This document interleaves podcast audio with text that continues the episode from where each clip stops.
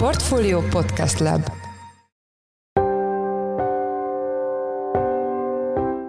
Mindenkit üdvözlünk, ez a checklist a Portfolio munkanapokon megjelenő podcastje augusztus 29-én hétfőn. A mai műsor első részében arról lesz szó, hogy júliusban fordulat állt be a hazai költségvetésben, ugyanis 255,7 milliárd forintos többletet ért el az államháztartás központi alrendszere. Ilyen mértékű szuficitre az év hetedik hónapjában korábban még soha nem volt példa, így ez alapvetően lehetne pozitív hír is, de ha közelebbről vizsgáljuk a folyamatokat, akkor már a büdzsé szempontjából sem egyértelmű a kép, ráadásul a helyzet a szegényebb társadalmi rétegek további leszakadásával fenyeget. Háromszoros lesz a pénzromlási ütem, mint amit terveztek. Nem csak a költségvetés bevételi oldalára van ennek kvázi a költségvetésre nézve egy kedvező hatása, mert kitömi az állami bevételeit és többet költhet másra, hanem van egy automatikus kiadás növelő hatása is a magasabb inflációnak. A témával kapcsolatban Csiki Gergely, a portfólió lapigazgatója volt a checklist vendége. Mai műsorunk második részében azzal foglalkozunk, hogy megszólalt a portfólión Krisztok Kármán, az egyik legismertebb fintech sztár, az alapvetően nemzetközi utalásokra szakosodott Wise, korábban TransferWise alapító vezérigazgatója. Az adásban arról is szó lesz, hogy miért emelt nemrég díjakat a vállalat, mely alapvetően pont a drága banki szolgáltatások ellenében pozícionálja magát. Én Forrás Dávid vagyok, a Portfolio Podcast Lab szerkesztője, ez pedig a checklist augusztus 29-én.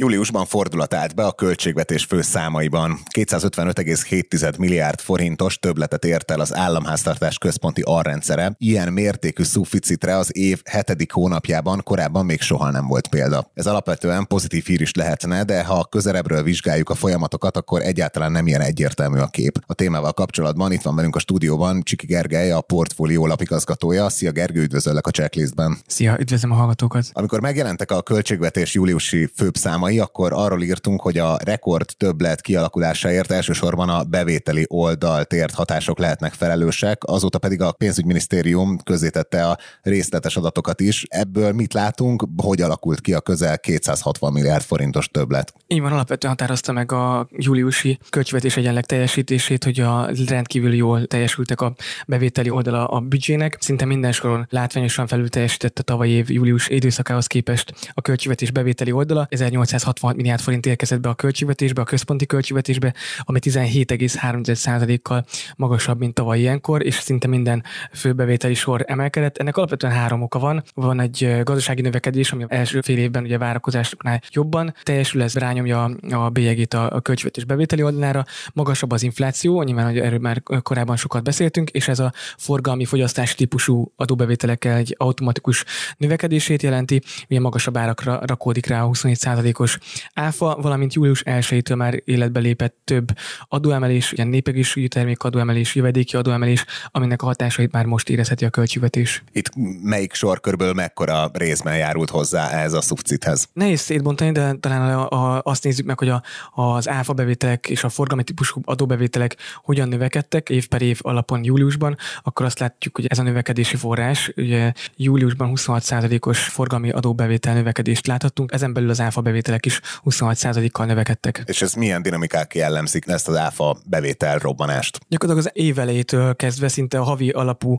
áfa bevételi számok ilyen új, új havi rekordokat döntenek, csak most júliusban általános forgalmi adóból, tehát áfából 723 milliárd forint folyt be. Ez talán történelmi rekord az elmúlt hetedik hónapok adataiban, de hasonló trendeket láttunk az év első felében, és egyébként a fogyasztáshoz kapcsolat, ami benne van a jövedéki adó és egyéb kisebb adóbevételek, ott is 909 milliárd forintnyi bevétel bevétel jött be forgalmi típusú adókból, ami szintén 26%-os növekedésnek felelt meg. Az áfa bevételre koncentrálva, itt látszódnak a már a, a fékezés jelei, vagy mennyire lehet tartós ez a folyamat, hogy ilyen mértékben nő az áfa bevétel? Vannak kockázatok, mert nyilván ugye az elsődleges forrása részben az infláció növekedése, ez, ez tovább hajthatja. Ebben nem lesz hiány. Ebben nem lesz hiány. Őszi hónapokra most mondják az elemzők, hogy a, elérhetjük az inflációs csúcsot, jelenleg ilyen 20% körüli várakozásaik vannak. Nyilván ez befolyásolni fogja, hogy az az ársapkák, amik jelenleg érvényben vannak október 1 hogyan futnak ki, és utána mi lesz várhatóan, mert ugye a magasabb árakra fog rárakodni az áfa, akkor ez tovább fogja hajtani és fűteni az áfa bevételeket. Egyébként az elmúlt hónapokban inkább növekedett az áfa bevétel nominálisan, hónapról hónapra, de nyilván van benne egy kockázat, mert a utolsó után a június kiskereskedelmi forgalmi adatok állnak a rendelkezésünkre, ott már látható egy, egyfajta fékezés. Nyilván a, a, az emberek kereslete, az emberek fogyasztása is korlátokba ütközik, elkezdenek maguk is spórolni, vagy azt látják, hogy ősszel várható nagyobb rezsi kiadásaik miatt elkezdenek spórolni, és máshonnan vesznek el. Milyen egyéb hatást gyakorol a költségvetésre a, a bevétel növekedésen túl azt, hogy, hogy ilyen mértékben elszállt az infláció, ugye csak emlékeztetőül egy év alatt 4,6%-ról 13,7%-ra nőtt a pénzromlás. Így van, és talán még az érzékeltetésképpen hozzá lehet tenni, hogy 5%-os inflációval tervezte meg a 2022-es költségvetést a kormány, és éves átlagban most nem kizárt elemzői konszenzus szerint ilyen 13-14 százalékos, tehát háromszoros lesz a pénzromlási ütem, mint amit terveztek, és valóban nem csak a költségvetés bevételi oldalára van ennek kvázi a költségvetésre nézve egy kedvező hatása, mert kitömi az állami bevételeit és többet költhet másra, hanem van egy automatikus kiadás növelő hatása is a magasabb inflációnak. Ugye sokat beszéltünk már a nyugdíjasokról, automatikus kompenzáció jár, hogyha a terven felül van az infláció. Most legutóbb júliusban kaptak, vannak olyan szakértői vélemények, hogy a Farkas András nyugdíjszakértő többször beszélt már is írt nálunk is arról, hogy, hogy már szeptemberben rendkívüli nyugdíjemelésre lenne szükségük, hogyha nem akarjuk, hogy a, az érintett nyugdíjas kör ezen a szegénységi létrán még lejjebb csúszon, de egyébként meg novemberben fog járni egy törvény szerinti pótlagos kiegészítés, egészen a tényleges augusztusi inflációhoz fogják igazítani, tehát ez egy plusz kiadás, tehát több 80-100 milliárdonként lépdenünk fölfelé minden magasabb inflációs százalék után, de ugyanígy az állam kamatkiadása is emelkednek. Elég csak arra gondolni, hogy a magas infláció elől a megtakarításra rendelkező befektetni szándékozó réteg hova teszi a megtakarítását állampapírban, de nem is akármilyen állampapírba, hanem infláció követő állampapírba, és nyilván a magasabb infláció, ami idei év végén megállapítják jövőre, nem az idei évben is magasabb kamatot fognak kifizetni a lakosságnak, de egyébként a piaci kamatozású és a piaci kötvények is előbb-utóbb átárazódnak, és erre is a kamatemelés miatt, az infláció miatt, magasabb kamatok és kamatemelés miatt ez átárazódik a, a piaci kötvényekbe is, és erre is nagyobb kamatokat fizet. De ami a leglényegesebb, és egyébként a leginkább rányomja a bélyegét a költségvetésre, az áfával ellentétes negatív hatással, hogy ez a részben ennek az inflációnak az eredete az energiaár. Az energiaár sok, folyamatosan beszélgetünk hétről hétre, beszélgetünk, de folyamatosan emelkedik a gáz is eh, villanyára, és a, a rezsicsökkentésnek a fenntartása az egyre drágábbá kerül. Ugye a legutóbbi rezsicsökkentés visszavétele 1100 milliárd forintos állami kiadás könnyítést jelentett, Na, azóta, mióta ezt bejelentették, közel duplázottak a, az áramárak. Ez eh, még inkább arra készíti a költségvetést, hogy megfogjon bizonyos dolgokat, ennek még az elején vagyunk, nem tudni, hogy, hogy ezt hogyan egyensúlyozzák ki, de ez is egyébként a, a költségvetésre rányomja a bélyegét, és a kiadási oldalon további feszültséget okoz. Ugye a témában megjelent elemzésedben, amit persze beteszünk az epizódjegyzetekbe, arról is írsz, hogy a, a költségvetési folyamatok alapján romlik a, a szegények relatív pozíciója Magyarországon, ami ugye hát hosszú távon leszakadást vetít előre. Itt mi a pontos összefüggés? Így van, hogy a szegényebb rétegben magasabb a fogyasztási szerkezetük más és más bizonyos fogyasztóknak.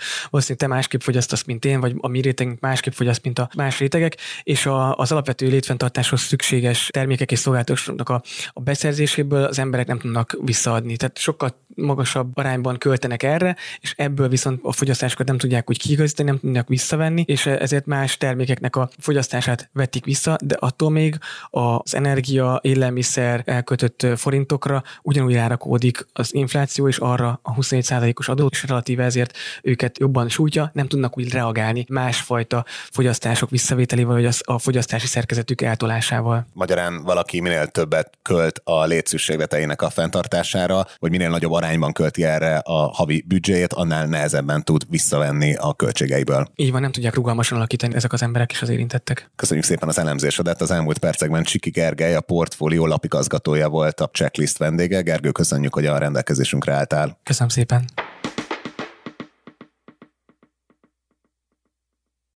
Interjút közöltünk ma a portfólión Krisztok Kármánnal, az egyik legismertebb fintek, az alapvetően nemzetközi pénz átutalásokra szakosodott Wise, korábbi nevén TransferWise alapító vezérigazgatójával. Itt van velünk a stúdióban Turzó Ádám, a portfólió pénzügy rovatának elemzője, aki az interjút társszerzőként jegyzi. Szia Ádám, üdvözöllek a checklistben. Üdvözlöm a hallgatókat. Első kérdésem, hogy nemrég ugye általános díjemelést jelentett be a Wise, ami mintha egy kicsit úgy ellen mondana a vállalat etoszának, ugye ők azzal is is hirdették magukat, hogy leszámolnak a, banki díjakkal, a különböző átutalási költségekkel. Mi van indokolta ezt a lépést, tehát az általános díjemelést a vállalat vezetője? Igen, hát ugye a Krisztó az szabadkozott is sokat az amiatt, hogy hát ők nem szoktak ilyet, hogy díjemelésnek mindig csak díjcsökkentés van, de egyébként azzal indokolta, hogy nekik a, az üzleti modelljük egy stabil üzleti modell, és egyszerűen ahhoz, hogy továbbra is stabilak tudjanak maradni, tehát profitábilisak, egyébként mondjuk ki, 17 óta profitábilisak, ahhoz nekik nem volt semmilyen más választásuk, mint hogy díjat emeljenek,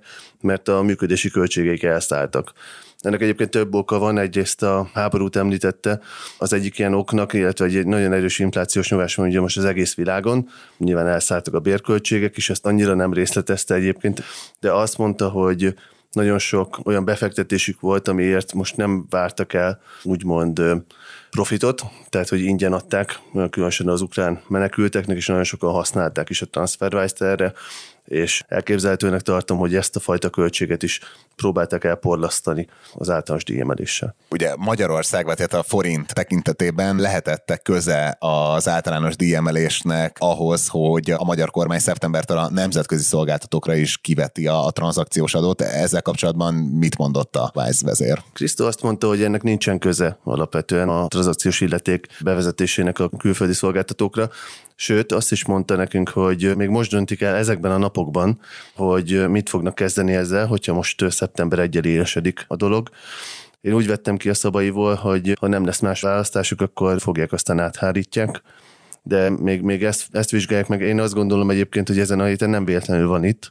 Szerintem most tárgyal bizonyos hatóságokkal, szabályozókkal, jogászokkal, hogy most mégis mit lehet tenni, és akkor az alapján fogjuk meglátni szerintem majd szeptember egy után, hogy mit döntöttek. Igen, és ugye a Vice-t az gyakran a Revoluthoz szokták hasonlítani, ugyanakkor elég más a két cégnek a profilja, de vannak-e a Vice-nak olyan tervei, ami szerint ilyen hagyományosabb banki szolgáltatásokat is indítanának, illetve tervezik-e specifikusan, hogy kriptoszámlát is lehet majd náluk vezetni? Hát az a helyzet, hogy bár tényleg úgy tűnik, hogy a Wise ugye a sima, egyszerű egyik országban másikba pénzküldési üzleti modelltől ugye elmentek már. Évekkel korábban mégis egy számlát adtak egyébként céges meg lakossági ügyfeleknek is, de ennél tovább nem lépnek. Azt mondta nekünk legalábbis a vezér, hogy nincsenek olyan tervék, hogy akár hiteleket, vagy bármilyen más egyéb banki terméket kapcsoljanak a szolgáltatáshoz, inkább az a tervük, hogy minél olcsóbban tudják a jelenlegi szolgáltatást adni. És pont ezért mondta azt is, hogy a kriptó az bennük ebben a formában meg se fordult, hogy ők bevezetnék, mert azt gondolja, hogy a, a kriptokkal nem lesz olcsóbb a nemzetközi átutalás, hanem az egy eléggé lukratív befektetés, és igazából nem szeretnék ezt a, az ügyfeleiknek adni. Én egyébként úgy láttam, hogy eléggé skeptikus a kriptopénzek jövőjével kapcsolatban, de hogy a technológia persze érdekes, úgyhogy majd meglátjuk. Ugye a Wise Magyarországon azon kívül, hogy nyilván magyar ügyfeleknek is szolgáltat, egy központtal is jelen van. Erről mit mondott ennek az irodának, milyen szerepe van a, a vállalat életében? Azt mondta, hogy a három legfontosabb irodából az egyik. Egyébként Európában nem so sok ilyen iroda van, Tallinnban, meg Londonban van gyakorlatilag még ez a fogható méretű iroda. 500 fős ez az iroda, a teljes globális Wise alkalmazotti szám meg 5000, tehát a 10 itt dolgozik, és egyébként azt tudjuk erről az irodáról, hogy itt fejlesztők, programozók dolgoznak, termékmenedzserek, vannak olyan nyílt banki fejlesztések, amik így zajlanak, és Amerikába viszik ki a piacra az adott terméket, szóval ez egy fontos terepe Magyarország egyébként a Wise-nak, és még növekedni is akarnak. Nem csak itt, a többi másik két nagy irodában is most nőnek. Azt hiszem, hogy 60 vagy 80 pozíció nyitott most a Wise-nál itt Magyarországon. És akkor az azt jelenti, hogy náluk nem egy ilyen szolgáltató központot hoztak itt létre, hanem kifejezetten elég magas hozzáadott értékű munkásokat dolgoztatnak itt. Így van, ez nem egy SSC, klasszik SSC, ahol könyvelnek, meg meg ügyfélszolgálatot tartanak fenn, hanem hát mondjuk azt, hogy érdemi munkát csinálnak, és ezt már a kezdetektől fogva volt itt egy ilyen budapesti hub, fejlesztői hub, és ez, ez nőtte ki magát már ilyen 500 fősre. Gondolom a fintekekről is szó lesz a Portfolio Banking Technology 2022 konferencián is, aminek te vagy a szakmai felelőse. Hát mikor lesz a konferencia, és, és mik lesznek a főbb témák itt? Október 6-án fog összegyűlni megint a hazai fintech szektor és a bankszektor, mert szerintem ennek a konferenciának az a, az egyik fontos üzenet, hogy a magyar fintech innovációkat egy kicsit hozzuk közelebb a magyar bankokhoz, és arról fogunk beszélgetni, hogy ezt hogyan lesz erre pénz. Ugye a jelen jelenlegi helyzetben, Néhány külföldi előadót is fogunk hozni, egyébként a Vice-tól is fog jönni külföldi előadó a, a konferenciára, de más fintech szférából érkező ember is jön majd panelbeszélgetésre, és hát külön fogunk foglalkozni a kiberbiztonsággal, ami szerintem most a háború idején egyébként egy, egy nagyon hot topic lett, külön lesz szó az innovációkról, mesterséges intelligenciáról, a payment trendekről. Szóval egyébként, amit megszokhattunk a, a banking technology-tól, mi már hetedik éve, ezt a, ezt a vonalat fogjuk tovább vinni. Köszönjük az elemzésedet. Az elmúlt percekben Turzó Ádám, a portfólió pénzügy rovatának elemzője volt a checklist vendége. Ádám, köszönjük, hogy a rendelkezésünkre álltál. Én is köszönöm. A Portfolio Banking Technology 2022 konferenciára természetesen még kaphatók jegyek, a részleteket belinkeljük az epizódjegyzetekbe.